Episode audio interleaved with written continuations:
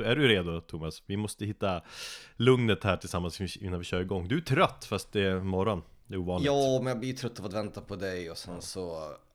Jag vet inte, jag... Jag har ju börjat fasta igen, vilket betyder att jag inte äter fram till klockan 11, vilket gör att jag eh, fryser som fan på morgnarna. Vad är för påhitt? Ja, men det är, det är bra att inte fasta. Förnya cellerna, kan leva längre. Inte för att jag skulle vilja det i den här jävla skitvärlden.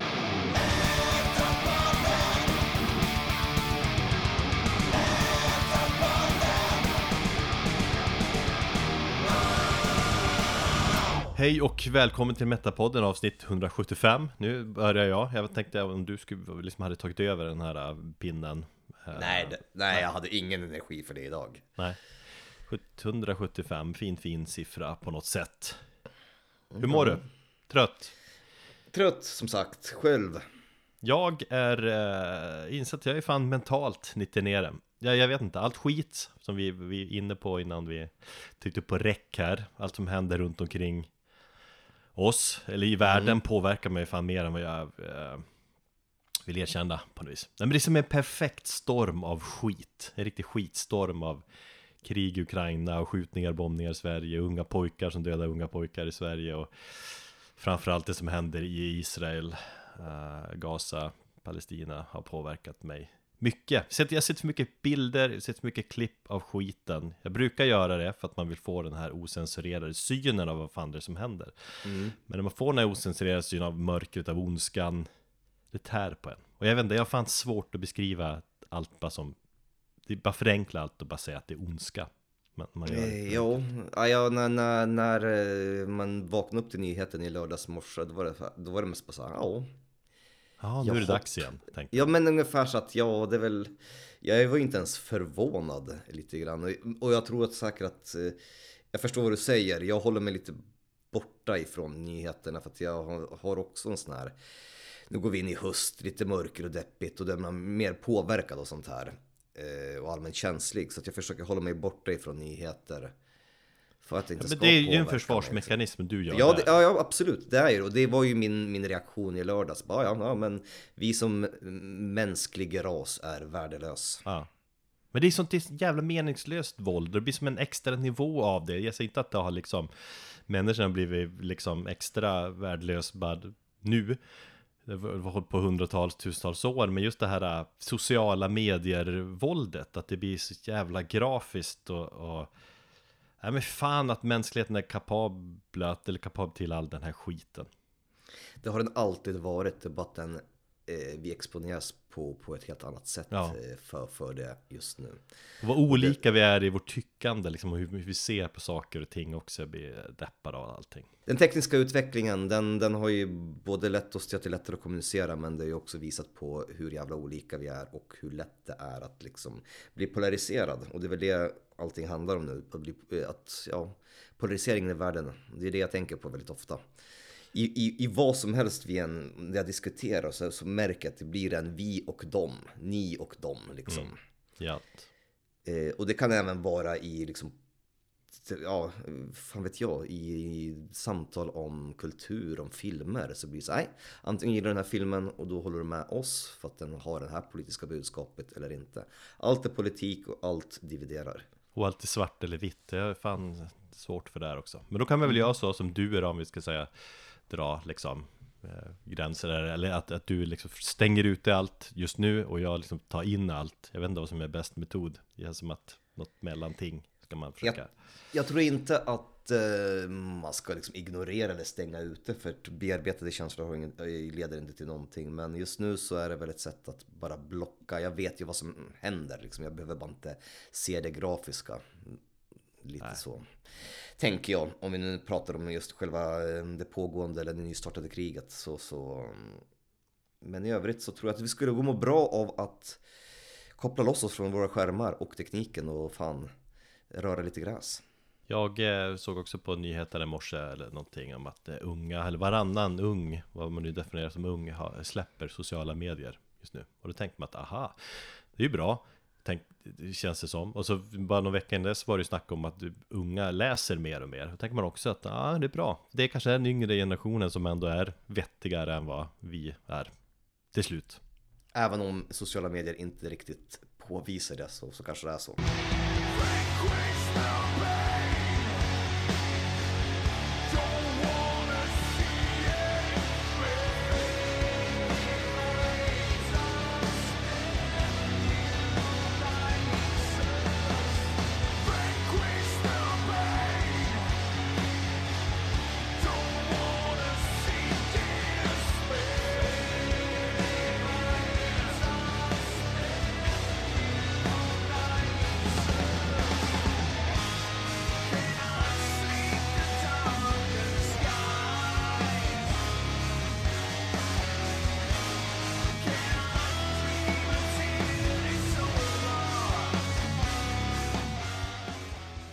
Nej, men vi skiter här och det är tur att vi har musiken. Det är fan viktigt att ha, det är viktigt att säga. Det, det har den här musiken som man har som samtalspartner, som man kan bolla sina tankar med. Det får vara ett soundtrack till vad man känner och sådär.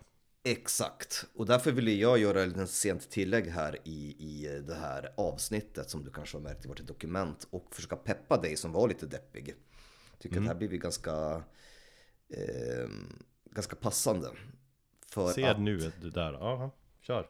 Nej men grejen är så här att jag, jag förstår din, din opepp på, saker och ting och... Jag är inte opepp, jag är bara, bara, fan, du vet, frustration och ledsen ja. och...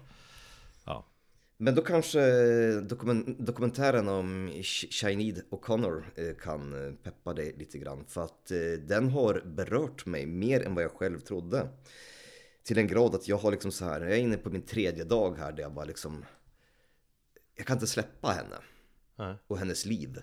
Och jag funderar lite grann på varför eh, den dokumentären som går på SVT Play nu har gripit tag om mig och berört mig till den grad att jag känner så här liksom. Jag blir väldigt varm när jag tänker på, på, på henne och hennes musik.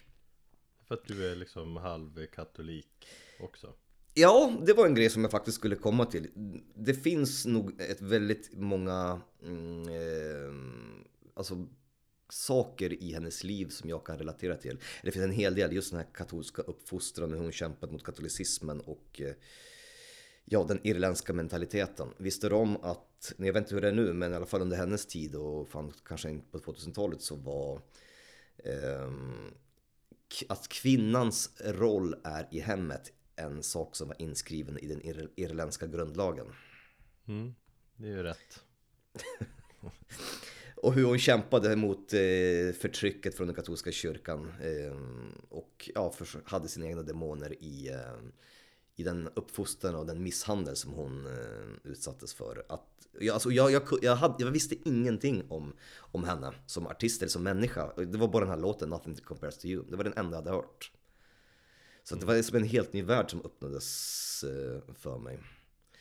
Eh, jag tycker att jag rekommenderar folk att, uh, att titta på den. Det här är ju ändå en musikpodd. Det är kanske inte så jävla mycket metal men det finns en nerv i hennes musik och det är ju nerv vi kommer komma in på väldigt mycket under det här avsnittet. Allt är metal. Allt är metal, ja. Och nerv, och, och, jo jag tror också det är nerven vi vill åt i det här avsnittet. Uh, faktiskt. Ja, och hon hade ju nerv i allt hon gjorde. Hennes musik var ju väldigt politisk och hennes musik var, hon var ju en aktivist och det har ju själv sagt att min musik eh, ska användas som ett eh, ja, politiskt instrument ungefär. Mm. Det var ett sätt för henne att sjunga bort sina demoner och göra upp med sin, sin barndom och kunna sprida ett budskap. Och att det, det är först och främst hennes agenda, eller det var hennes passion och drivkraft, inte att bli rik eller känd. Mm. Det är väl vettigt. Jag mm. tänker så här då, om du, äh, men du känner något för henne när du sett den här dokumentären. Ni, har, ni är båda från katolska kyrkan, ni har Ja, men du, du har ju stundtals en trasig hjärna också. Med, ja. Men hon, hon eh, leder mycket med psykisk ohälsa och så. Mm. Sen i slutet av hennes liv så konverterar hon till islam. Är det liksom den vägen du också ska gå? det, det, tror jag verkligen inte. Men just det här, det här med islam är ganska intressant. För det är det lilla jag vet om henne post 2000. Eh, och post den här Nothing Compares to You-låten är att hon var en så rabiat muslimsk kvinna som höll på att skriva massa konstiga saker på, på Twitter. Mm. Eh, jag vet att det skrevs en hel del om henne, men nu så här efter att ha sett den här dokumentären, läst på en hel del om henne och kollat på intervjuer så förstår jag lite grann att hon hade det jävligt tufft den sista perioden. De sista tio åren var förjävliga. Hon, hon tappade um, vårdnaden om sin son. När han tog livet av sig och hon aldrig liksom blev sig själv och två år efter det så tog hon livet av sig. Nu verkar det ju som det. Man, den riktiga dödsorsaken har vi inte fastställt sen tror jag. Mm. Men att hon, och just hennes bipolära eh, sjukdom och att hon hade muskelsjukdom också. Så, nej det var, för mig så var det en väldigt ögonöppnare. Jag ska se den.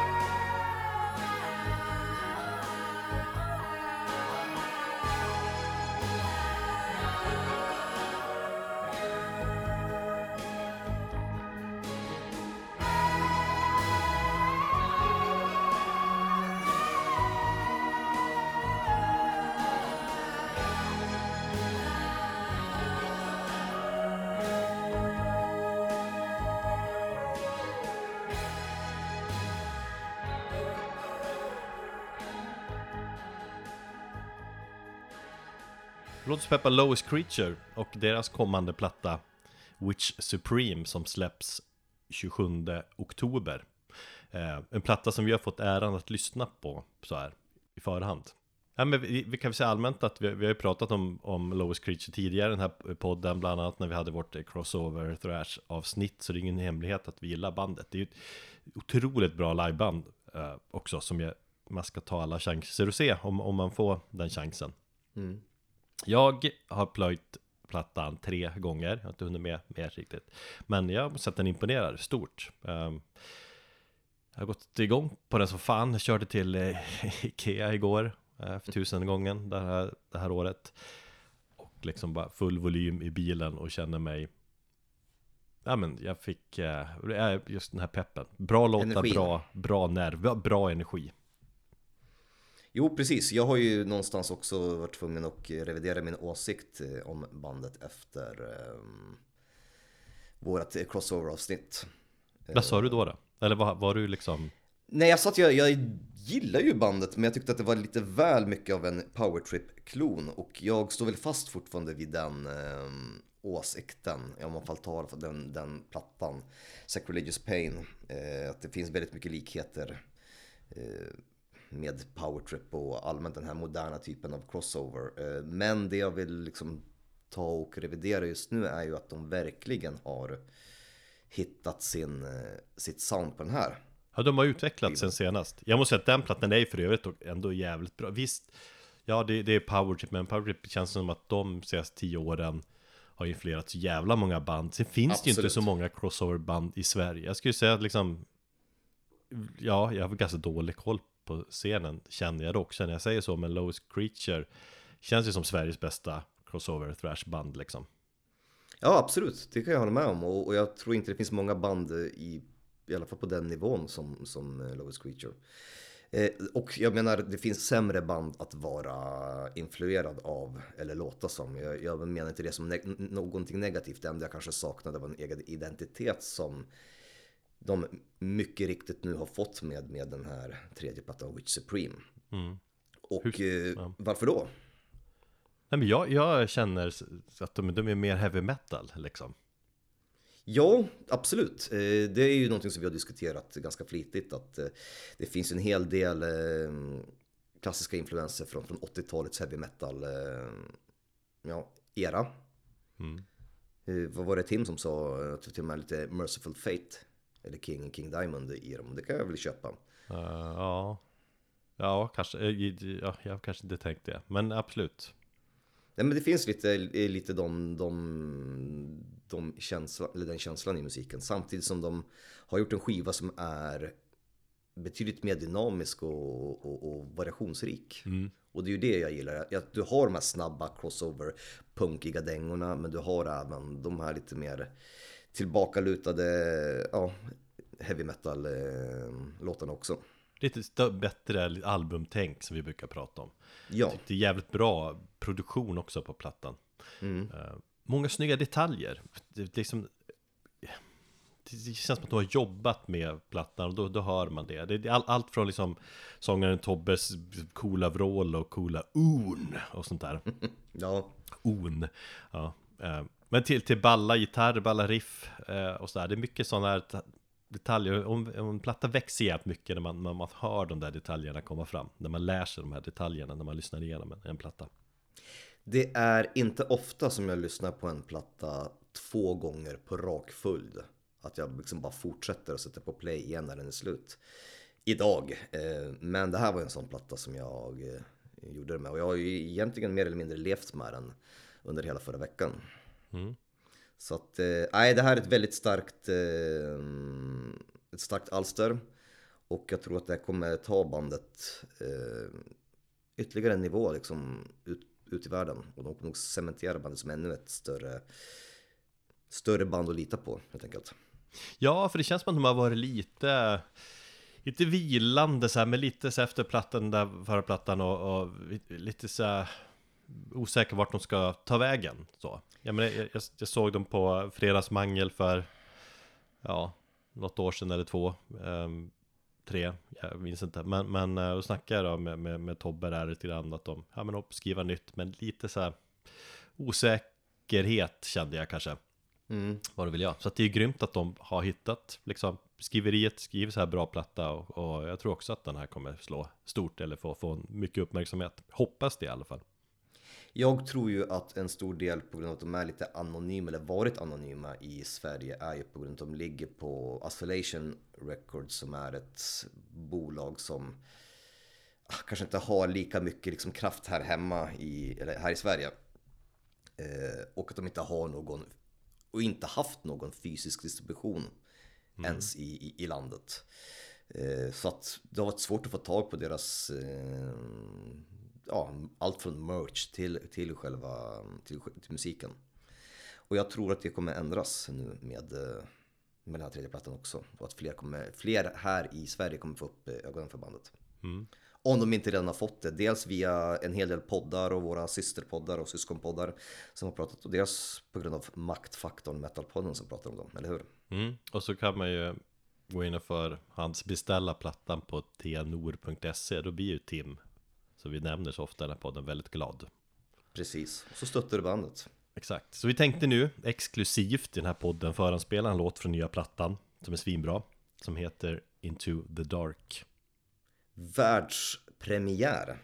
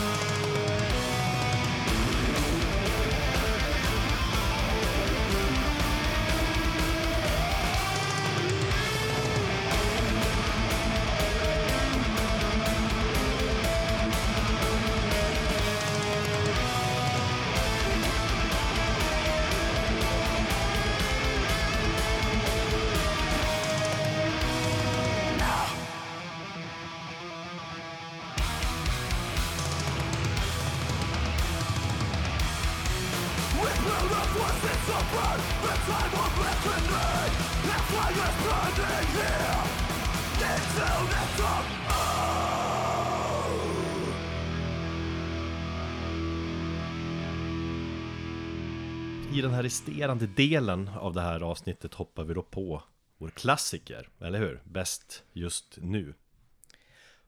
Ja, Som har gjort ganska många gånger. Eh, Men det är kul alltid att göra det tycker jag. Det är också kul att folk verkar uppskatta det också. När vi frågar lite grann så här tidigare, men vad, vad gillar ni liksom? Vilka avsnitt gillar ni och så vidare? Då är det ju ändå många som säger att, att bäst just nu brukar vara kul att lyssna på.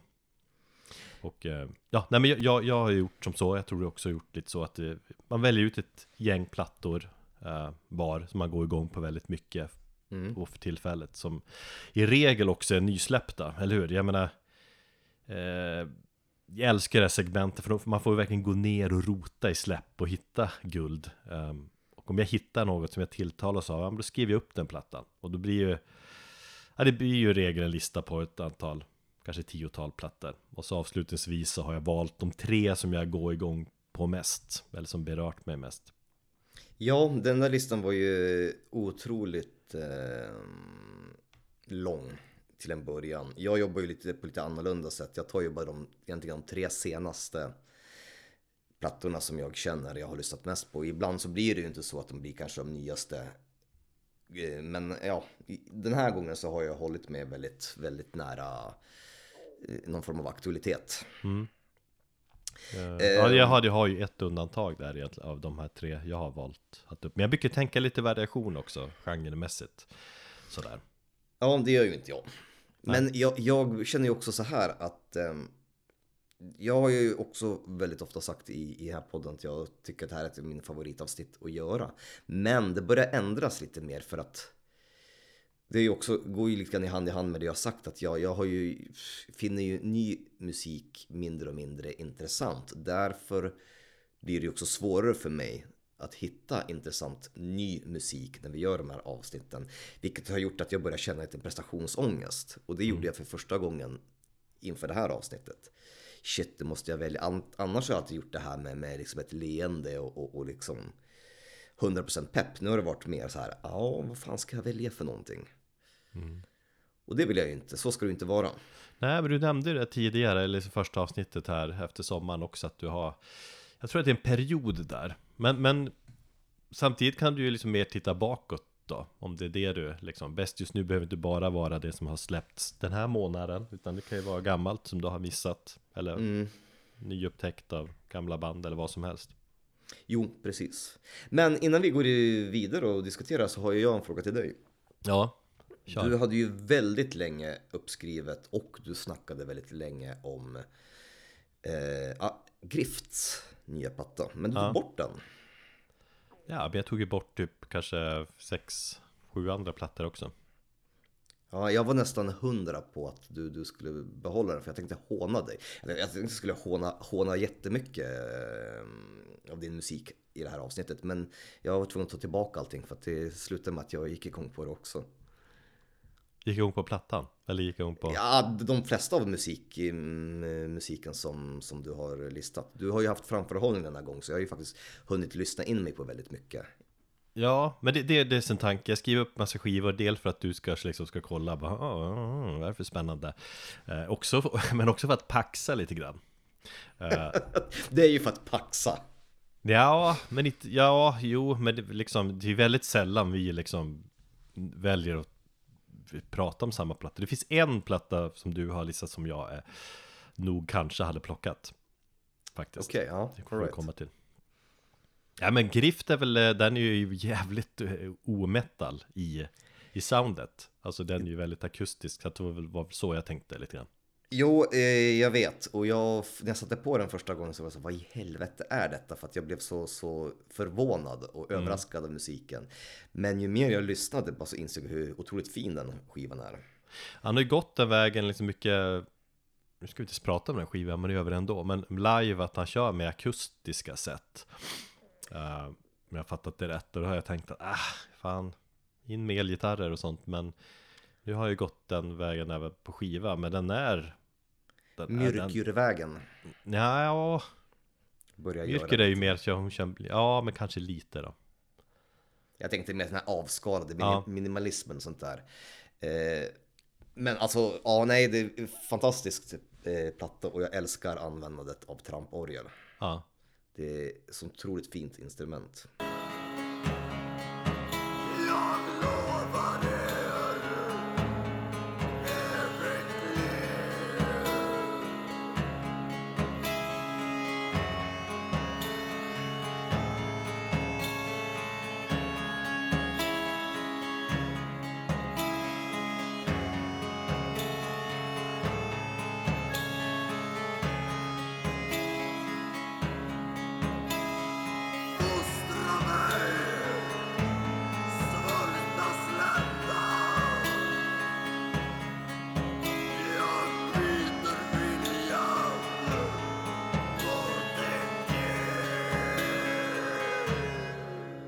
Men då börjar jag, börjar jag med plattan som jag nog har spelat mest av dem jag tänkte upp, eller kanske inte. Det finns en platta som jag sovit till många nätter.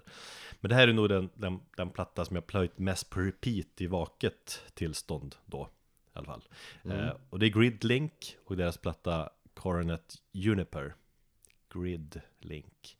Eh, släpptes 15 september och en stor anledning då till att jag kört den så många gånger Förutom att den är jävligt bra jag vill höra den om och om igen, det är att den är kort. Det är 11 låtar på 19 minuter och 24 sekunder. Oj. Mm. Och då förstår ju också de flesta genren, det kan gissas att det är någon form av grindcore såklart. Eh, Men det är mycket thrash och det är speed i känslan och, och tekniken också. Men framförallt ska jag väl beskriva det som, eller de kanske, eller många beskriver kanske som teknisk grind. Eh, ja, Känner Ja. du till bandet sen tidigare? Ja, när du säger teknisk grind så, så absolut. Det finns, det finns något element där i deras musik som gör att det inte känns som riktig grind, eller som inte bara vanlig grind. Nej, exakt Eh, ja, nej, ja och nej. Jag trodde först när du skrev upp det här bandet så, så förväxlade jag med ett gammalt industrimetalband som heter Grid Inc.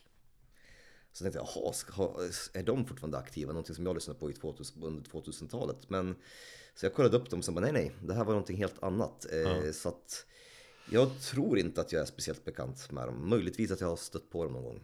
Ja, jag, jag har någon sån här svag kanske, någon så, eller ja, att jag kanske har liksom tippat på dem. Men, men det är min första bekantskap till bandet, alltså lyssnat skarpt på dem så. Men, men faktum är att de har funnits i, i 20 år och de har släppt tre plattor tidigare.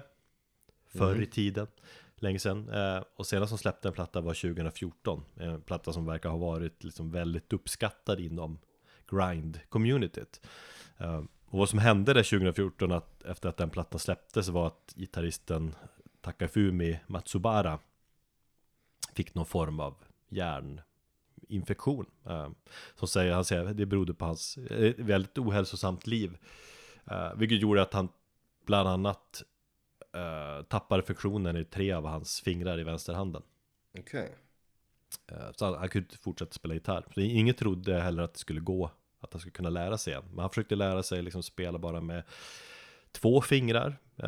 Gick inte så bra. Han försökte liksom lära sig någon, någon ny avig konstig teknik. Eh, han har kämpat på, gett upp och kämpat på under åren. Och sen har skett det någon form av mirakel, halvmirakel, liksom att han har kunnat börja röra de där fingrarna igen som ingen trodde skulle kunna gå. Och så har han lärt sig spela gitarr från grunden igen. Och då, han är i andra band också, men då har han liksom tagit upp eh, Gridlink igen. Men visst är det ett amerikanskt band med bara med en japansk gitarrist? Jag tror att det är det, jag har inte riktigt fattat det där heller. Eh, De är väl enligt Metal Archives amerikanskt band, men jag tror att han bor i Japan. Jag så att det är nog kanske någon hybrid där. Mm, okej. Lite oklart. Eh, Men de har skrivit en ny platta som är riktigt jävla bra. Det, det, det är något som... Ja, man, det går inte bara att beskriva som en vanlig grindplatta, vad nu en vanlig grindplatta är då, men, men det, är, det är något som gör att den här plattan känns unik, som gör att jag går igång på den så mycket. Och jag kan inte riktigt sätta fingret på det, men, men det, det är något med riffandet som gör det, för det är så jävla genialiskt. Det är så många, det är så många detaljer och det är sån, sån nerv i allt, allt eh, riffande. Och det är ju nerven vi är ute efter. Ja, men det är väl det jag har känt när jag plockade ut det på plattan också. De får lite så här sci-fi grind-känsla får av plattan också. Jag sitter och kollar här nu på deras tidigare omslag och eh, jag inser nu att jag har faktiskt varit bekant eh, med bandet. Just den här plattan från 2014, vad den nu hette. ehm, Long, Longena. Den, det omslaget känner jag igen väldigt mycket. Ja, precis. Det Och det, det skulle kunna vara liksom som ett omslag till Mass Effect eller någonting sånt. Så det här med sci-fi, du är ju inte helt fel ute när du, när du pratar om det. Nej men det är bara känsla för och sen, ja kanske att det, har påverkat mig lite grann med när jag sett omslaget. Jag har inte liksom analyserat texterna riktigt så stå, men... Uh, nej men det är som en eh, vektor fast liksom grind ibland. Men det är bara låta lite, det är kortplattad men det är evigt fascinerande och inspirerande och jag har sett eh, Kul grej också på plattan, i alla fall på Spotify så finns liksom karaoke-versionerna med. Så att först är det hela plattan, sen kommer alla låtarna igen utan sång. Så då kan vi ju liksom, man kan dricka några öl och så kan man sjunga med om man vill. Eller vad som nu är, ja, vad som nu är tanken. Men om, liksom, om man är om man är kanske liksom, man är lite nyfiken på grindcore men inte, inte liksom blivit ri- riktigt såld Eller om man är less på grindcore, det går ju lite upp och ner där, även för mig ja, Då tycker jag, eller man tycker att mycket grind låter samma Eller, eller att man pratar om det där svenska grindcore-bandet som var stora början på 2000-talet hela tiden Och att det inte finns något annat bra, det är så här, då ska man lyssna på Gridlink de hinner med så jävla mycket på de 20 minuterna. Det är massa härliga, komplexa, äventyrliga låtar liksom. Man får åka omkring. Härliga, snabba riff. Ett måste att lyssna på, fan mig. Och alla har 20 minuter av sitt liv. Så uh, vi lyssnar på The Forgers Cicade.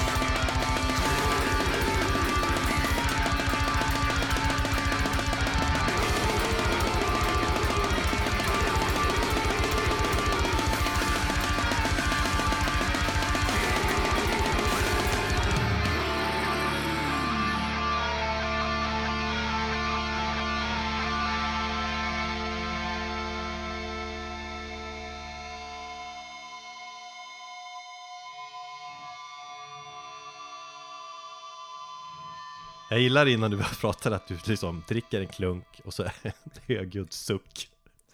För att peppa. Ja men alltså jag är svinhungrig, min mage kurrar här, jag var tvungen att dricka vatten för att jag är illamående också. På grund av att jag inte ätit sen Ta en klockan klunk sju och så- igår.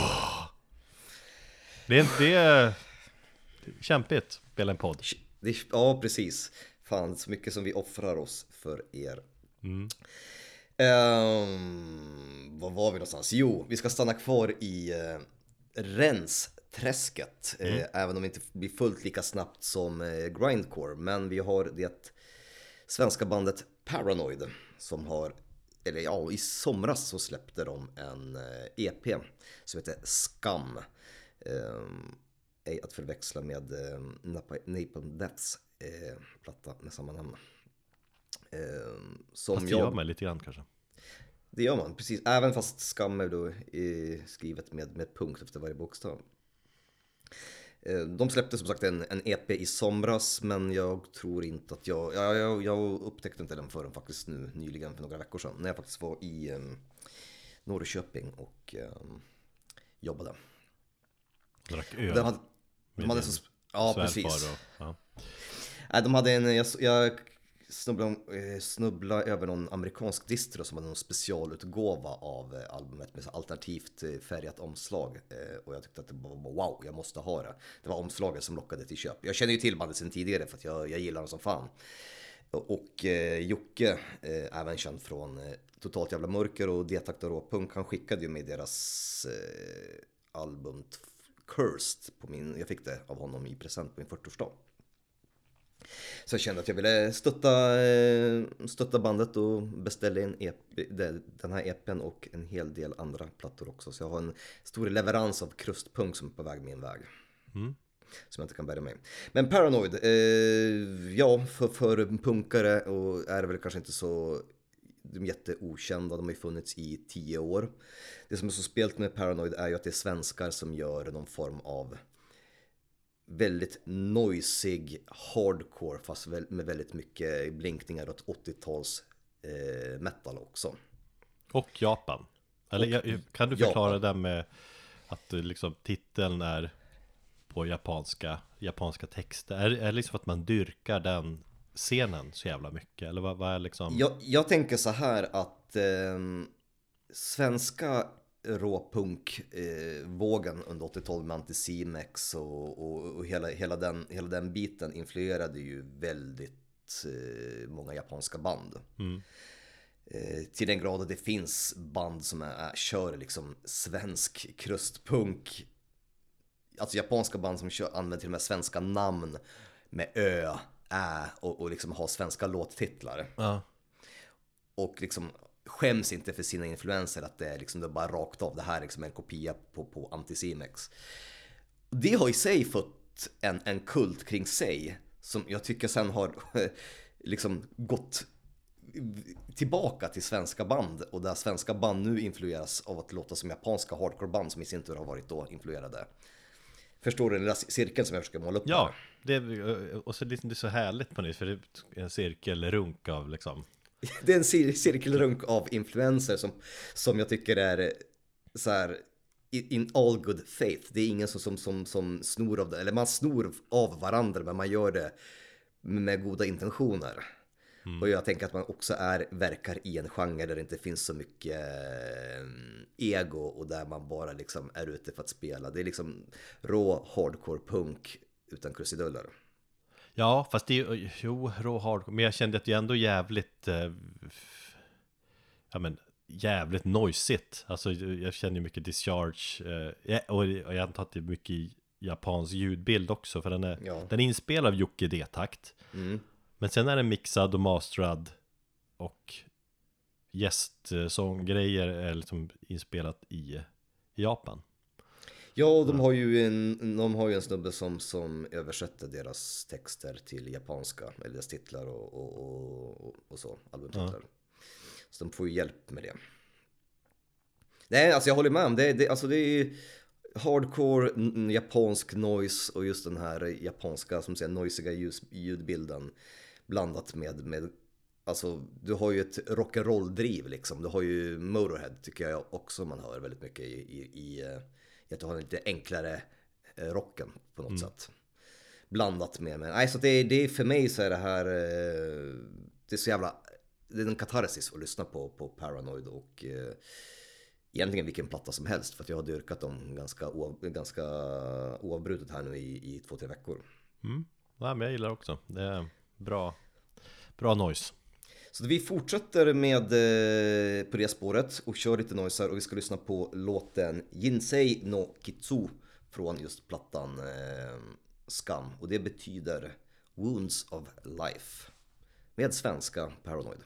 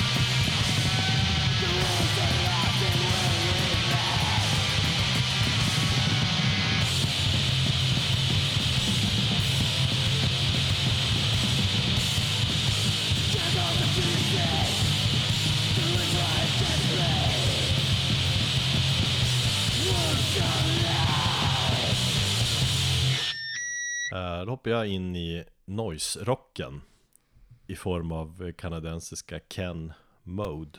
Och Ken handlar ju då inte om Ken och Barbie Ken. Utan Ken, som skriver i- versaler, står för Kill Everyone Now. Så var det ja. Och det ska vara hämtat då från någonting som Henry Rollins har sagt eller någonting som han har skrivit i en typ turné dagbok när han var på turné med Black Flag Okej. en massa herrans år sedan. Det var liksom den sinnesstämningen han var liksom när när de spelade tusen gig och det var den sinnesstämningen på, på scenen allmänt liksom att det bara galet. Det- Och det är då Ken Mode. Eh, Det, det är halvballt och halvtöntigt bandnamn på samma gång. Jag kan inte riktigt bestämma Jag, jag har nog stört mig ganska mycket på, på deras eh, bandnamn genom åren. Eh, men nu med en liten förklaring så jag...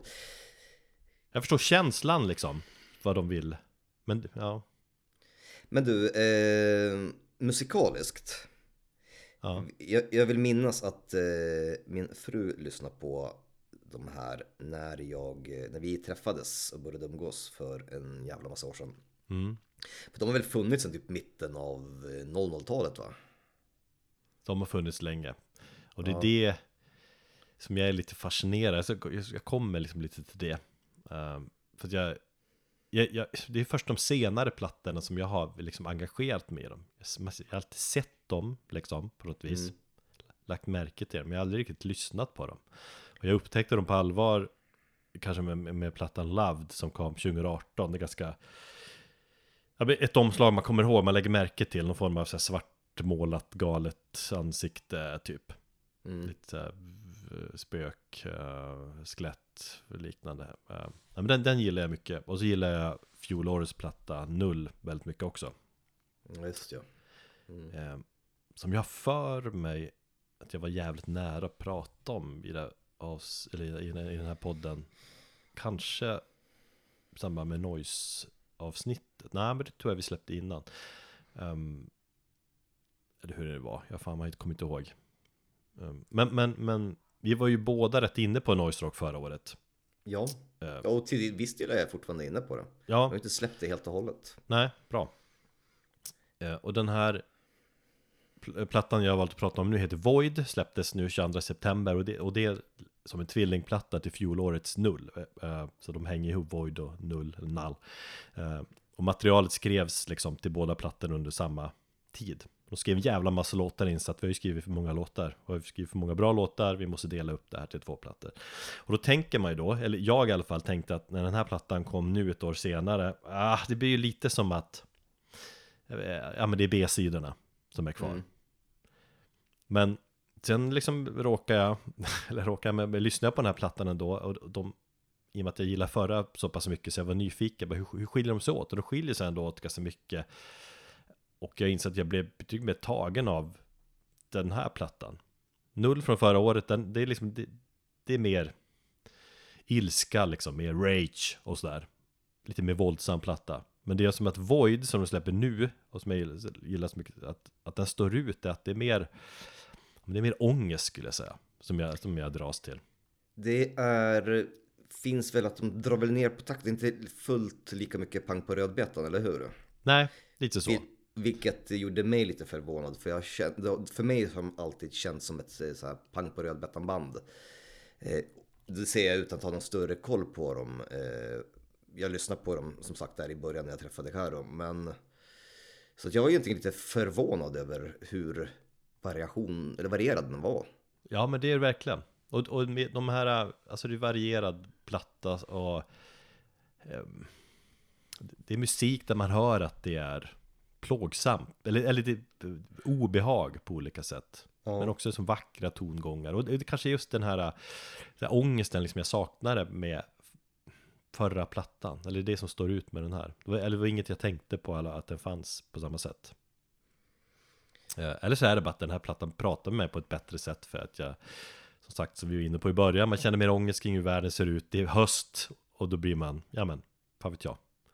Man påverkas mer eller någonting Det känns som att vi båda är, blir påverkade och känsliga för, för ganska mycket just nu. Så. Ja, det är väl så Men, men det är ett otroligt intressant band för vad, vad som gäller influenser För man hör alla möjliga influenser Man kanske, man hör mycket som klassisk noise rock då Som, som Unsane till exempel Men också mycket postrock och post-metal partier Lite matte-rock på några ställen Jag hör Ni- Nine Inch Nails, jag hör Melvins, den, den era Men jag hör liksom Today's Today uh, Converge finns där Det är, det är ett jävligt fascinerande band Som ja, tror jag också har gått så här från klarhet till klarhet ganska sent inne på deras karriär på något vis.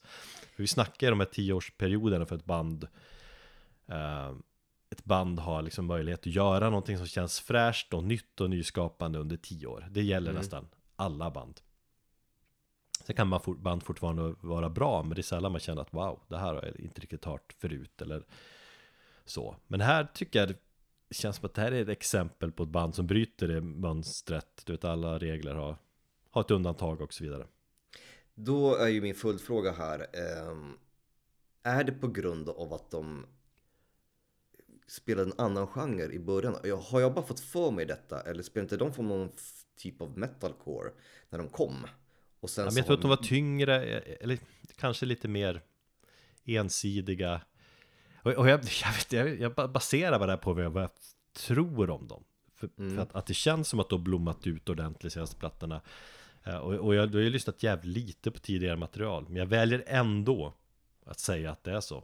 Eh, För det, det är en platta man ska, man ska försöka ta till sig den här. man, liksom, om man gillar den här noise rock tyngden så absolut det, det är sludgigt, det är riffande och tungt Men det är också den här Ja men den här liksom ångesten, liksom en magisk krydda på den här platsen som gör att den står ut Med den här ångesten, dystra liksom känslan Den gör allt på något vis Mm. Sen har de ju en, en kvinnlig medlem Som har kommit in Kanske då med Loved där någonstans som, Hon lägger lite mera bakgrundsgrejer liksom Mm. Jag tror att det har påverkat ljudbilden mycket också De har hoppat väldigt mycket mellan olika skivbolag. De har legat på både Seasons of Mist och Mm. eh, Profound Lore och massa C. Att, och de har ju varit väldigt, eh, de har släppt väldigt mycket. Ja, Sedan 2000, 2003 kom debuten, det är 20 år. Nej men det är ett band som, de har ju turnerat mycket, varit förband till liksom många av de här större banden Jag tror de har varit liksom till uh, Mastodon och så vidare och med Converge och allting Att de, ja, de har jag alltid sett, men det kanske har varit ett det tredje förbandet. Eller att de så startar först eller något sånt där. Det känns som ett band som alltid är förband. Ja, lite så. Jag blev ju lite förvånad när jag satte på den här plattan över hur jäkla, ja men som jag, som jag sa, variationsrik den var, hur annorlunda det lät. För att jag hade ju intrycket av att det var lite mer metalcore, men det var ju kanske ett intryck som jag fått från en tidig skiva för 13 år sedan. Så att, eh, som du säger, då har de väl liksom kunnat, kunnat ändra eller liksom utvecklas under, under de senaste åren. Ja men det känns som med alla dess influenser, de gör verkligen vad de, som de känner för. Det är ett band, jag tror att det är det också, de, de spelar en genre där man kan vara, där man kan göra vad som helst egentligen. Ja, framförallt så har de ju utvecklats till någonting som jag tycker är mer intressant. Ja, Var de, var det är väl de- det jag försöker, försöker komma fram till. Ja, det är inte ofta det, det, är inte ofta det händer, utan det ofta så är ju det omvända. Ja men eh, exakt. Så nej, men en platta väl värd att kolla upp om man vill känna ångest och, och obehag och djävulskap. Eh, vi lyssnar på låten Painless.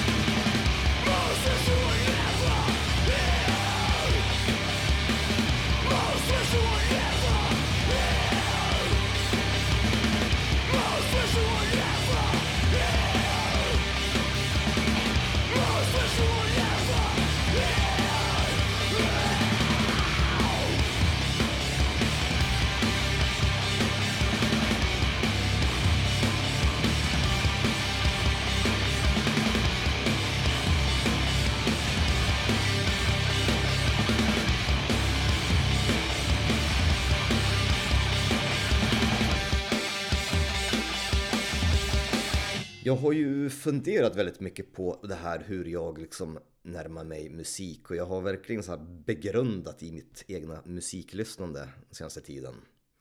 Vad är det som gör att jag går igång på, på, på vissa artister och ibland så, så tip, eh, tipsar du mig om någonting som jag totalt känner avsmak inför eller någonting. Du, du ler här eller? Nej, men jag, jag börjar få känslan att du har legat sömnlös över din ångest kring vad du går igång på musik och varför du inte känner samma pepp. Alltid. Jag är inte så sömnlös men jag har oftast legat så här i, i sängen när den här själva musikstunden kommer då jag ska välja någon musik och jag ska somna in så känner jag att jag har ångest över vad jag, vad jag ska välja. Mm. Och jag väljer ju oftast musik ut efter den, den mentala statusen som jag, jag, jag känner. Liksom. Det är inte så att jag, ja, idag känner jag för att lyssna på Ken Mode, så jag på Ken Mode, utan idag känner jag mig lite arg. Ja, men då, då väljer jag ju musik ut ut efter det humöret. Mm. Och jag har varit i någon sån här, ja men rycker åt axlar åt det mesta. Och då har det varit väldigt svårt att hitta någon musik som, som egentligen har berört mig. Tills jag egentligen nu hittade Sinead O'Connor och typ lyssnat på henne oavbrutet i två dagar. Mm. Men det finns ju då några få enstaka plattor som ändå gett mig energi och som jag sa tidigare, Paranoid var ju ett av dem som jag kände att det, det gav mig ändå någon, så här, någon form av pepp. Eh, Horrendous är nästa band som jag vill prata om och det är ett band som jag enligt de, den konstens regler som vi nu pratar om, det här med nerv egentligen inte borde gilla. För att jag tycker att de saknar nerv. Oh. Men det finns någonting annat i deras musik som lockar väldigt mycket eh, hos mig. Jag har ju varit lite avvaktande här med den här plattan Och jag har väntat på din pepp kring den här plattan Mm. du, du har inte peppat den jättemycket Jag vet att du har ändå nämnt den i någon chatt att typ att men den är, den är jävligt bra ändå Men det har inte jag, jag tänkte att det har varit lite så här slow builder eller vad man uttrycker det för dig Slowburner. Mm. Ja. Men sen har jag ju sett att folk bara Lite ledsen överallt Peppar, jag menar kommer högt upp på listor och, och liksom bara svinbra. Så att jag har ju liksom tagit till mig den här. Mm. För jag har ju sagt väntat på lite, ditt utlådnande men jag bara, ja, ja man får ju liksom komma långsamt men säkert. Eh, Så att jag har ju lyssnat på den här så pass mycket nu så att jag hade ju, det här med, jag hade säkert kanske tagit upp den Eh, För att göra en grej, i och med att du tog upp till, eh, förra plattan, den här Idol Alien-omslaget jag, min- jag minns ju din, din kärlek till den, den skivan Mm. Så jag, Ja, ja, absolut. Eh, Den plattan var ju den bästa plattan när den kom också det året, 2018. visst hade du det som det årets bästa platta? Yes, stämmer bra det. Ehm, Så därför så var ju också mina mm, förväntningar ganska höga. Mm. Eh, Jag har väntat på en uppföljare till den plattan väldigt länge och när det väl liksom fick liksom nys på att det kommer komma en platta i år så var jag lite, så här, lite försiktig och så här. Och det har varit en slow burner för att jag, jag, eh, när, den, jag lyssnade på den direkt när den kom och så kände jag så här att ja men absolut, det här kommer jag gilla. Men jag är bara inte i det här liksom headspacet just nu att jag vill lyssna på den här typen av musik. Så därför har jag varit lite försiktig och så har jag lyssnat på den. Jag har pratat väldigt mycket med, om plattan med till exempel Patrik, för han och jag gick igång på den lika mycket. Mm. Och vi, vi båda kom fram till att det är en, liksom, det är en slow burner. Den är betydligt mer proggig än någonting de har gjort tidigare. Samtidigt så känns den som att den är också lite mer lättillgänglig. Eh, också är det deras kortaste platta i karriären. Den, var en 37 minuter. Om man jämför med deras tidigare plattor som ligger på, på runt en timme liksom. Mm.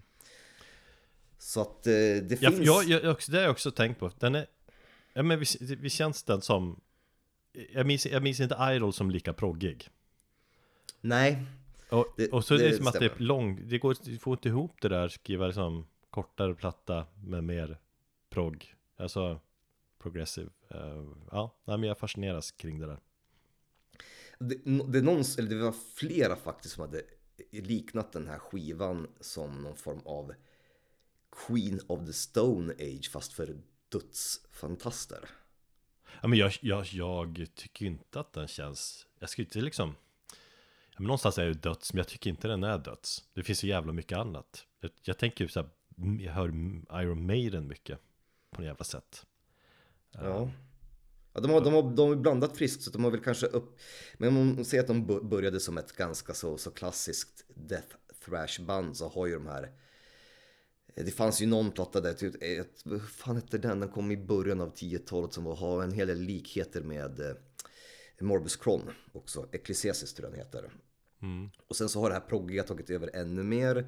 De har kanske lämnat den mest, eh, liksom den här skräckdödsen som de började i. Den, den follan har de ju lämnat ganska, ganska mycket just nu. Men, ja. men är inte det här också ett klassiskt band? Du- Du var ju inne på det förra avsnittet lite- grann. Jag tror att du kanske syftar lite på Horrendous också. Att, men band som är, spelar mer klassiskt döds eller någon form av old school death metal som det är enkelt att sätta benämning på på många dödsband idag. Att många av de banden nu efter några plattor väljer att göra något mer avancerat musikaliskt, gå proggigare.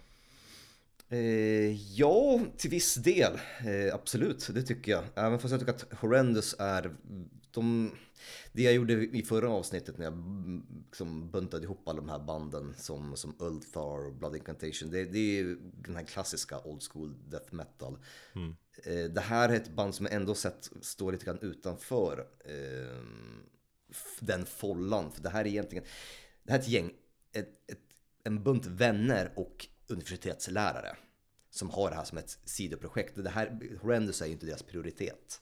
Alla har välbetalda jobb, de jobbar inom universitetet, inom forskning. Så det känns som ett gäng nördar som liksom har samlats kring sin så gemensamma intresse för, för sci-fi och, och, och musik. Men samtidigt har ju många av de här bandmedlemmarna, det finns ju kopplingar till massa andra band eh, som vi gillar. Men Absolut. Framförallt till Crypt Sermon väl? Ja. Vet Sil- att, The Silver som jag pratade om. Ja, Eternal Champion finns väl en koppling till. Yes. Eh, jag vet att i, i Crypt Sermon spelar ju före detta medlemmar i, eller som har spelat i Vector så, här. så att det är ju massa band där som vi tycker är bra som sitter ihop på något vis. Ja. Absolut, jo, nej, men det, det finns det. Eh, Så att, mm, ja, någon, någon, form av, någon form av gemensam nämnare i, i, i det där går absolut att hitta. Men som sagt, jag tycker inte den här musiken har den här nerven som, som kanske jag söker i, i ett band som Paranoid eller Gridling. Däremot så finns det en kontrast i musiken som Horrendous, som alltid har lockat mig med Horrendous, att de lyckas väva ihop någonting liksom, det här liksom hur, man, hur ska jag säga, det, det, det horribla, det, liksom det skräniga och det fula ifrån dödsmetall och det liksom det fina ifrån proggen. Och lyckats kombinera det i- till en helhet. För att det här minns jag att jag sa också kring, kring Idol-plattan är att det största nackdelen, inte för mig då, men för många som inte kan komma in i det här bandet är ju sången. Att det, att det är den som är liksom, det faller där. Att antingen så älskar man sången eller så hatar man det och då på något sätt så faller det resten av det. Och, men jag tycker att det är, ju- det är ju sången som gör bandet så pass unikt i och med att sångaren har en väldigt annorlunda sångstil som, som liksom, det blir skevt att höra han, honom skrika och, och, och med sin raspiga stämma till så här väldigt fina och tydliga progressiva basgångar och liksom Iron Maiden melodier eller som du säger, liksom fina. För den är ju mycket mer melodisk den här plattan också än tidigare. Ja, men man ska ju hylla sång som är, det står, står ut, det är unikt på, på många sätt och så är det ju verkligen här. Jo, nej men det, det, det fick ju mig liksom, eh, jag drog den här slutsatsen på vad är det som, som, som drar mig till den här musiken och eh, att göra att jag verkligen gillar det? Jo, men det är ytterligheter, att det är kontraster som, som clashar och det blir liksom, det blir någonting spännande i det.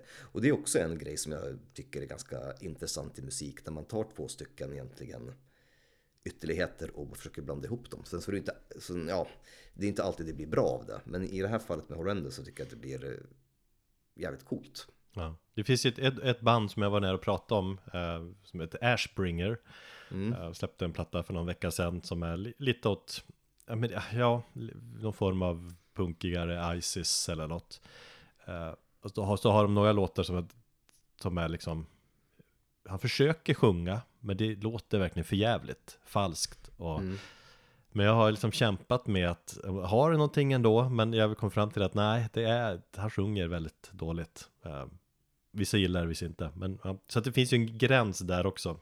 Ja absolut, och det, och som sagt bandet faller ju väldigt mycket på, på, på sången. Men man kanske kan lära sig att uppskatta den också med tiden. ja. Men det, det jag tänkte på när jag körde hem från Ikea Igår, halvtimme hem Full fart. Man kör om massa lastbilar och grejer. Så att det, det att Det är en platta som i i, i så här, brist på bättre ord Men det är en platta som är jävligt kul att lyssna på För att det är så jävla oförutsägbar musik. Och det är det som gör den liksom beroendeframkallande på något vis. Jag tyckte jag gillar att snacka hooks och sånt där. Och det, finns ett, som, det är mycket sådana grejer. Och, och bra groove. Men också riffen. Det är, stundtals är det så jävla bra riff. Så att jag, jag menar jag har två gitarrer som hänger som jag tittar på här nu Jag blir, så avis när jag har de här riffen för att jag, jag tittar på gitarr och suckar och vetskapen och jag, jag kan aldrig skriva så här coola riff och de är Det finns inte så många band som skriver så här balla riff nu för tiden Nej, och, och inte ha den här förmågan att och liksom Alltså det, det också, kan jag ju också svara på att varför jag har, jag har varit lite tyst om den. Det är ju för att, som du säger, det, man, man slängs ju lite grann med de här tvära kasten. Och att man, man vet ju inte riktigt vad man förväntar sig av musiken. Och eh, därför har det ju också varit svårt för mig att egentligen, att låtarna eh, ska ha ha fastnat. Det var verkligen så här, ja, jag, jag gillar vad jag hör, men jag kan ju säga så här efter att ha lyssnat på den väldigt mycket så är det egentligen ingen låt som jag skulle på rak arm säga att det här är den låten. Utan jag skulle behöva kolla upp det på, på, på liksom albumhäftet. Bara just det, den här, så här låter den liksom. Eh, för att det är så mycket, liksom, man slängs med olika grejer och, och det blir så mycket oväntade grejer liksom. Eh, Och för att visa just på, på hur det kan låta och hur de här hooksen funkar så tycker jag att vi faktiskt tar och lyssnar på sista låten. Och det är den låten som jag, när jag sitter här nu, faktiskt vet hur den låter. Och det är den enda låten som jag egentligen lärt mig och kan, skulle kunna nynna på. Eh, när riffet kommer in här mot slutet. Eh, Ja. och det är låten eh, The Death Knell Ringeth. Den står ut mycket. Otrolig låt, otroligt riff. Helvete, vill också kunna riffa sådär. Bra avslut på plattan också.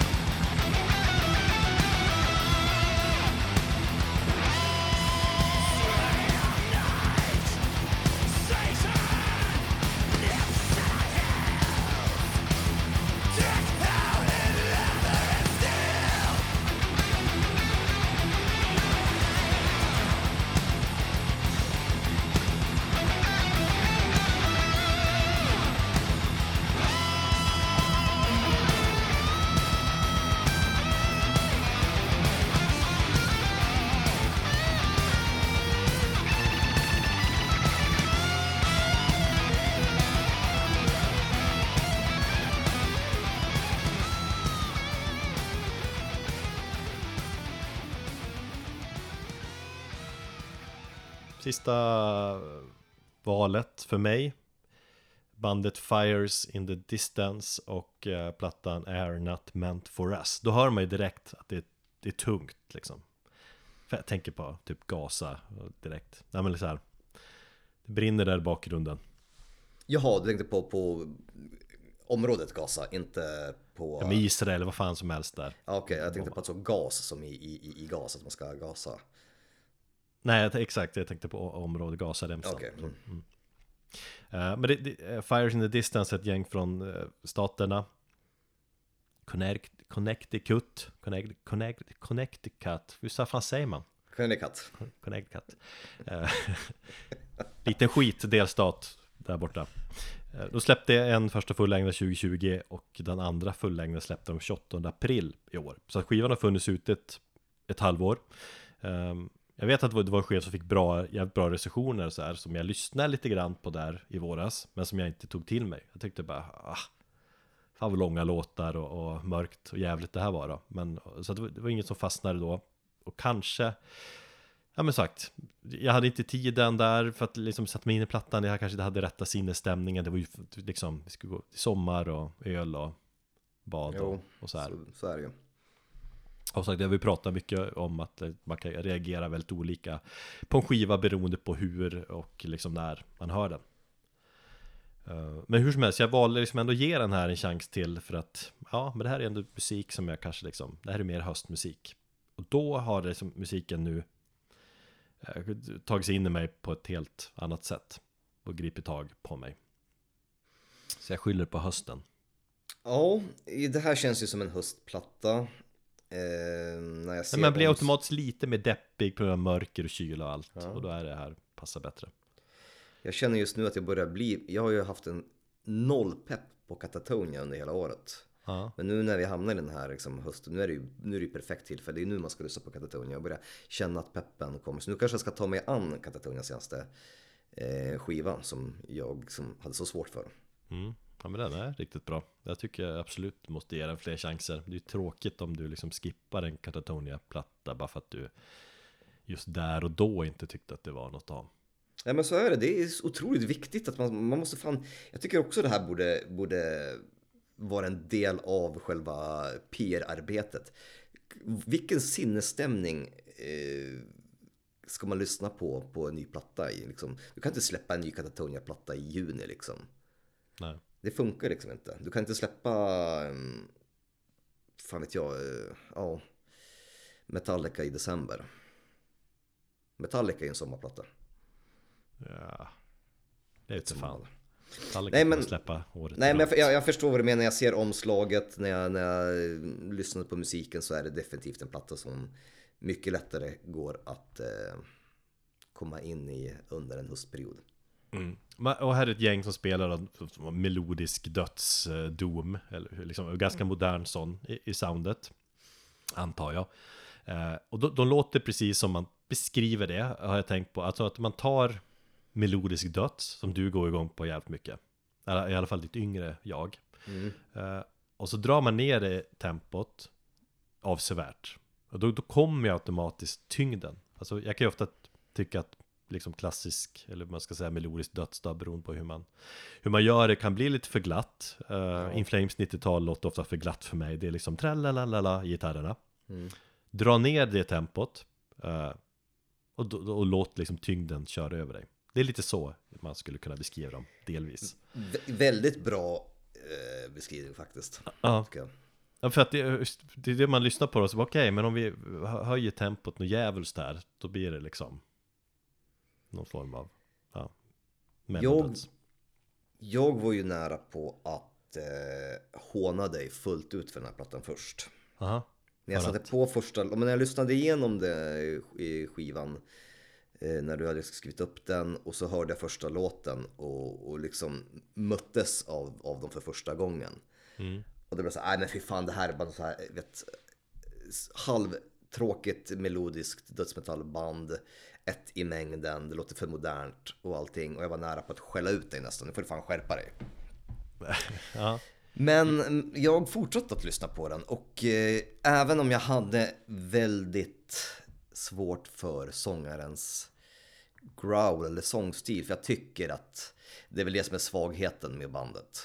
Han, Ja. ganska, han är ju ganska, jag ska inte säga dålig har han inte. Jag, det, jag tror säkert att det funkar väldigt bra för den musiken de gör, men den sticker ju inte ut, den är ju inte originell på något sätt. Nej, men jag tror inte det är det som, exakt, det, det och den ligger ganska liksom lågt i mixen. Tror att- Exakt. Eh, För att han låter ju egentligen, han har liksom en standard gro- growl för, för den här typen av musiken. Och det är när man liksom lägger sången, för sången är oftast det som är bakträ, eh, liksom framträdande. Om du lägger den bakåt, bakom och lyssnar på, på musiken och speciellt melodierna, då insåg jag att det fanns något mycket mer intressant i bandet där.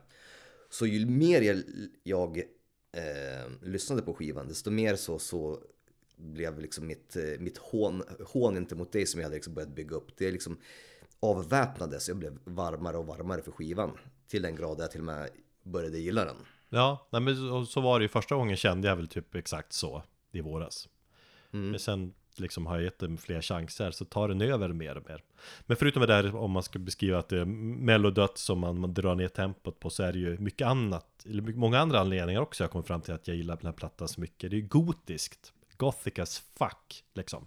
I, i bakgrunden är det nästan konstant så här gotiska pianostycken eh, och stråkar som adderar till den här mörka sinnesstämningen. Och jag hör ju liksom mina egna favoriter, ett eviga husband liksom Paradise Lost mycket i, i det här soundet, Det tidiga. Paradise Lost. Mm. Jättetidiga och även liksom band som eh, vad fan heter de? My, My Dying Bride till exempel. Mm. Eh, Så är också en anledning. Men sen har jag också Finland. Jävligt finskt. Alltså det här vemodet som vårt kära grannland i öst gör så bra. Vi pratar om det där ganska mycket när vi, när vi körde något finskt avsnitt.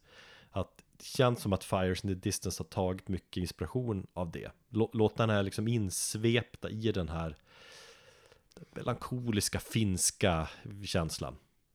Som är, alltså som är så vanligt i, i många finska metalband. Det kan jag också eh, eh, hålla med om. Lite, lite sentenced känner jag också. I melodierna där. Ja. Det, det är Mm. långa låtar, alltså, så att det, och det säger väl också mycket, men det, det är sex låtar på drygt 50 minuter. Så sn- låtarna snittar liksom över 8 minuter, det, är- det är en platta som tar tid eh, att komma in i. Så att, ja, och det kräver, så att det är inte liksom, ja en lyssning, ja ja, två, tre, fyra. Men sen har jag sovit i den här mycket senaste två veckorna, det kan jag rekommendera. Jag ser att de har släppt den plattan också som en instrumental version. Mm. Det funkar för att de har spåret i, i mitten där. Det är helt Mm. instrumentalt. Så det tycker jag är helt ett jävla fantastisk låt. Um, så då känner man också att ja, men det funkar även utan sång.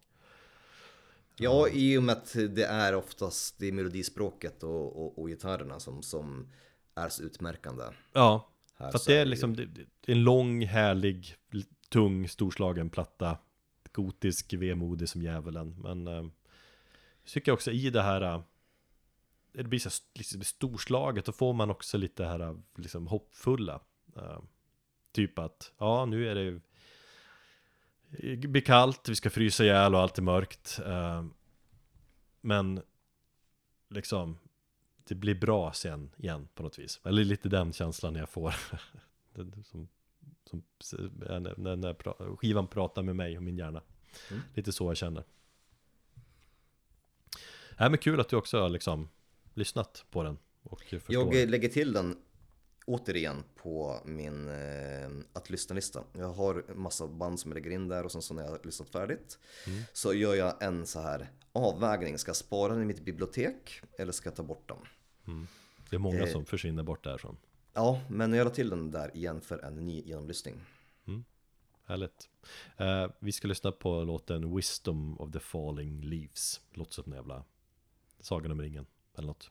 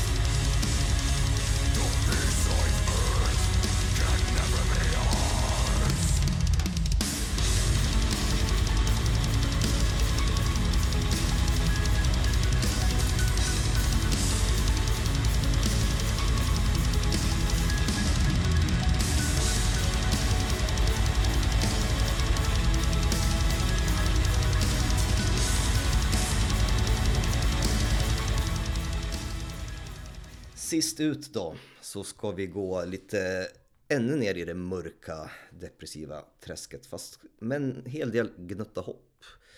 Och ett band som mig hade, ja, veterligen totalt eh, gått om intet är ju Blodet. Mm. Skellefteå band. Vad säger vi om den eh, musika- musikscenen i Skellefteå? Finns det någon hardcore-scen? Nej, precis. De tar lite av Umeå. Eller de är mitt emellan Umeå hardcore och Luleå. Luleås hardcore-scen. Så Skellefteå har inte haft det lätt. Den Skellefteå-Umeå brukar väl, ja, kanske kopplas ihop. Det finns ju många band. Som, eh, jag tänker på Totalt Jävla Mörker och Kalteluna där liksom det är medlemmar från båda de städerna. Det är ju samma län också. Så att, eh, Ja. Och Men att, hur, okej. såg, hur fick du det här tipset? Ehm, jag... Ja du, det var i somras så började jag följa en Hilda på... Jag fick upp henne som, som, som eh, så förslag att, att följa på Instagram. Mm.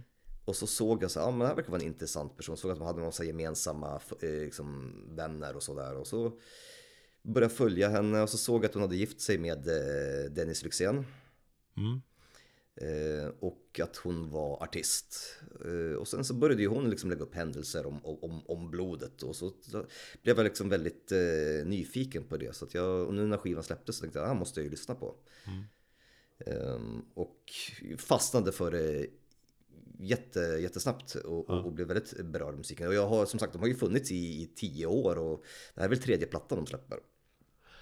Jag är fascinerad också över det att jag har liksom missat dem tidigare. Jag var någon som, någon, någon som peppade liksom på sociala medier och lyssnade och liksom jag blev eh, jag blev förvånad över hur liksom fräscht, liksom hur spännande Jag kan inte riktigt sätta ordet på vad är det som gör att de liksom Det kanske Ja. är det här Skellefteå Det här västerbottniska liksom Filtret på något vis som man känner Ja, absolut, det tror jag. Eh, det här norrländska vemodet och det här mörkret som jag bara tror att riktiga norrlänningar eh, kan känna och göra någonting av i, i, i, i, kreativ form. mm. Ehm, för att det vi har att göra med här är ju någon form av, jag tror att de själva beskriver det som, som art rock, post rock. Eh, med liksom metal-influenser. Jag skulle inte gå så långt som att säga att det är metal, men jag skulle, det kanske faller liksom mer i, i rock, post-rockfacket. Men med i det här posten så, postrock så känner man ju lite Ja men man får lite, kanske lite vibbar från, från Kallt och Luna Ja, absolut, jag tycker i, i, i låten som vi ska spela så är det jättemycket kallt över Luna. Eh, Så att det är ju inte helt eh, det är inte helt fel att säga det, tycker jag inte. Men även att det finns, de själva säger att det finns väldigt mycket liksom inspiration från Sonic Youth eh, och, och The Swans. Ehm, Jag tänkte att Sonic Youth, ja kanske att de har någon form av punkig bakgrund, kanske inte har så jättemycket i, i, i musiken, men The Swans absolut. I, i, i deras mörkare stunder. Ehm, så att, ja, nej men art rock, progress, eller progress, eller men någon form av post, post-rock eh, tycker jag är väldigt talande. Och framförallt så är det ett, någon form av soundtrack till, till eh, eh, ja, tankar på döden. För det här är en platta som har väldigt mycket med eh, döden att göra. Dels för att den var skriven av, eh, om jag nu inte tar helt fel, så var ju gitarristen i bandet, eh, han gick ju bort i cancer under, under skrivandet av den här plattan. Okej eh, Så att de kände att, de övriga medlemmarna kände att de ville ehm, skriva färdigt den. Dels för att de var, kände att de var skyldiga honom det. Och dels att, att färdigställandet av musiken blev en någon form av sorgeprocess och, och, och katarsis för, för, för bandmedlemmarna, speciellt för Hilda då som, som eh, sjunger då. Hon säger ju att det här är ju en platta som har väldigt mycket med döden att göra och den är präglad väldigt mycket av döden. Men jag vill inte se att temat är mörkt utan även om musiken är mörkt så ska den ge någon form av hopp och ljus. Att, det, att de lyckades resa sig ur en, liksom en kris. Ba- Bara Och den beskrivningen hör man ju direkt Liksom jag som känner dig Mm. eh, Att du dras till den Det är som jävla kraftfull magnet Du direkt kastas ju dit eh, Ja, i och med att, som sagt, men jag har ju dagar då jag eh, hamnar i det här träsket där man funderar på, på mycket på döden och, och nu också så här men när hösten kommer och, och min pappa gillade ju hösten jättemycket. Eh, så, så har jag han börjat komma med mm, väldigt mycket på, i mina tankar och sådär. Jag tänker väldigt mycket på, på hösten som vi hade tillsammans och sådär. Så det är ju ganska naturligt att det här då, att en platta i, av detta slaget också får mig att liksom, att bli berörd. ja. Det är någonting med det där eh, När man har vänner vars föräldrar Går bort liksom. Att man tänker också då såklart Hur länge ska mina föräldrar leva. Så, men jag tänker, jag tänker ofta liksom på det Att liksom din farsa, det kan jag bara liksom Just ja, Thomas farsa gick ju bort. Jag menar, och jag känner jag, jag har ju Många av mina närmsta vänner har, har liksom tappat sen mor eller fars bara senaste åren. Ja, Vi har en vän nu som vars mor har fått liksom ett par månader kvar att leva Den här klassiska cancern ja. eh, upptäcks för sent liksom Ehm, Nej, det, fan det, vi, När man är 40 plus, jag tror att Och alla vi, eller alla barn Hamnar ju där till slut Ja, alltså, jag har ju dagar då jag kan hantera detta. Så, ja, min pappa är borta liksom. Ja, men okej. Det är liksom, jag kan acceptera det. Sen finns det vissa dagar då jag kommer på mig själv, just ja, min pappa är ju borta. Och ibland kan jag titta på mamma och bli väldigt ledsen bara för att jag känner att hon är ensam och hur hon känner saknad efter en, efter en person som har levt med mig över 50 år. Ibland har jag svårt att besöka mamma för att när jag kommer in där så känner jag fortfarande doften av pappa. Hon har ju inte ändrat någonting och det kommer hon inte vilja göra heller utan allting är ju sig likt i, i deras hem. Eh, Så att allt, det det jag har insett att min, jag trodde någonstans i somras kanske att jag hade bearbetat min sorg. När jag jobbade på VLT, fick skriva av mig väldigt mycket i mina krönikor så skrev jag väldigt mycket om, om pappa. Men jag har insett att det har inte riktigt gått, det går inte riktigt så fort utan sorgen Nej, det gör det ju inte liksom, Jag tror att Jag ska inte säga att det är naivt att tro det Men det är väl mer att du att Du hoppas liksom att det ska Att du ja, ska kunna bearbeta det bättre än vad det Det tar, det kommer ju ta För alltid tror jag Ja, jag tror också att det kommer ta för alltid för att eh, jag känner ju, jag känner ju mycket saknad liksom. Och det är ju det, det, det tror jag aldrig lämnar utan saknaden kommer ju alltid finnas. Sen just att det här att man kan hantera känslorna, vilket jag tycker att jag ändå har gjort ganska, ganska bra och, och liksom tänker ganska logiskt på det. Så känns det som att eh, vissa grejer har jag accepterat, vissa dagar har man lite, ja, men lite sämre dagar. Och så tänker man, fan nu hade man gärna velat se eh, en fotbollsmatch och druckit öl med farsan och garvat liksom. Så att ja, till det här så, så döden är ju ständigt närvarande i våran ålder och som du säger, vänner, jag har också vänner kring sig vars föräldrar börjar hamna liksom i, i, eh, ja, de är ju liksom livets sluttamp så att säga, eller får olika sjukdomar och sådär.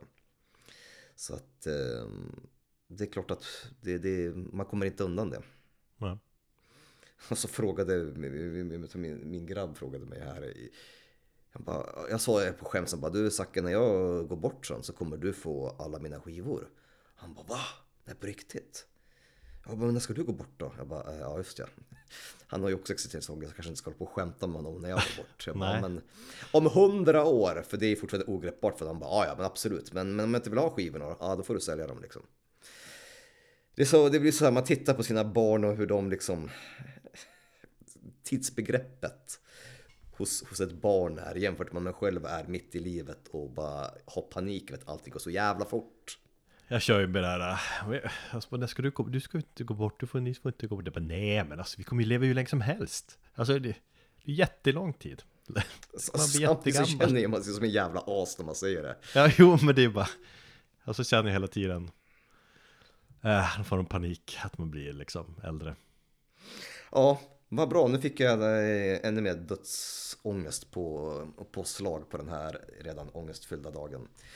Blodet Nej. ska vara förband till This Will Destroy You och The Ocean på Slaktkyrkan 26 oktober för övrigt Jag ska vara i Stockholm då, tror jag Eller jo, Jobbet har kallat då- ner mig så att jag, jag är lite sugen på att försöka gå och se det The Ocean har jag velat se länge faktiskt ja, om inte nu den spelningen... eh, Slutsåld. Nej, det var någon annan spelning som var inställd. Men jag hade för mig att de hade lite struligt där med, med sjukdomar och sånt där. Men det kanske redan var tidigare. Men absolut, jag skulle också jättegärna vilja se dem eh, live faktiskt. Jag tror det säkert kan vara väldigt eh, fint. Och det är ju otroligt drömskt. Det är otroligt postrockigt. Och det är ju en form av känslomässig bearbetning som jag tror att sitter man i en sån situation som, som du eller som jag gör så, så, så känns det ganska naturligt att lyssna på ett band som Blodet och dras till, till deras musik. Jo, men absolut ur det- här perspektivet vi pratar om Men också musikaliskt så har de någonting Som känns som sagt spännande Som jag, alltså jag blir förvånad att det här kändes liksom ja, Jag vet jag har inte riktigt hört det här liksom tidigare Mm. Om det är en blandning mellan liksom Ja, det här Västerbottniska vemodet och det här liksom lite mer Artrockiga liksom fast Usch, äcklig beskrivning. Men, men liksom att det är någonting som kändes Fick lite känsla om när man hörde Koma första gången. Exakt, sista låten påminner mig och får mig att tänka väldigt mycket på Koma. På den här skivan också. Eh, och det har ju inte, med, inte bara att göra med att titeln är en massa siffror, precis som Koma har gjort i, på en av sina låtar. Men att det finns någonting mer Koma-aktigt i, i den. Mm. Ja, nej, eh, det, det är fint, det är det. Så jag tänker att vi avslutar det här avsnittet med att liksom begrunda döden. eh, inse att ingenting varar för evigt och att allting tar slut. Ja, det är livet. Det är livet och vi lyssnar på Blodet med titelspåret från plattan Death Mother. Och Tack. eh, Tack för att ni lyssnar. tack för att ni lyssnar och till nästa gång, ta hand om er.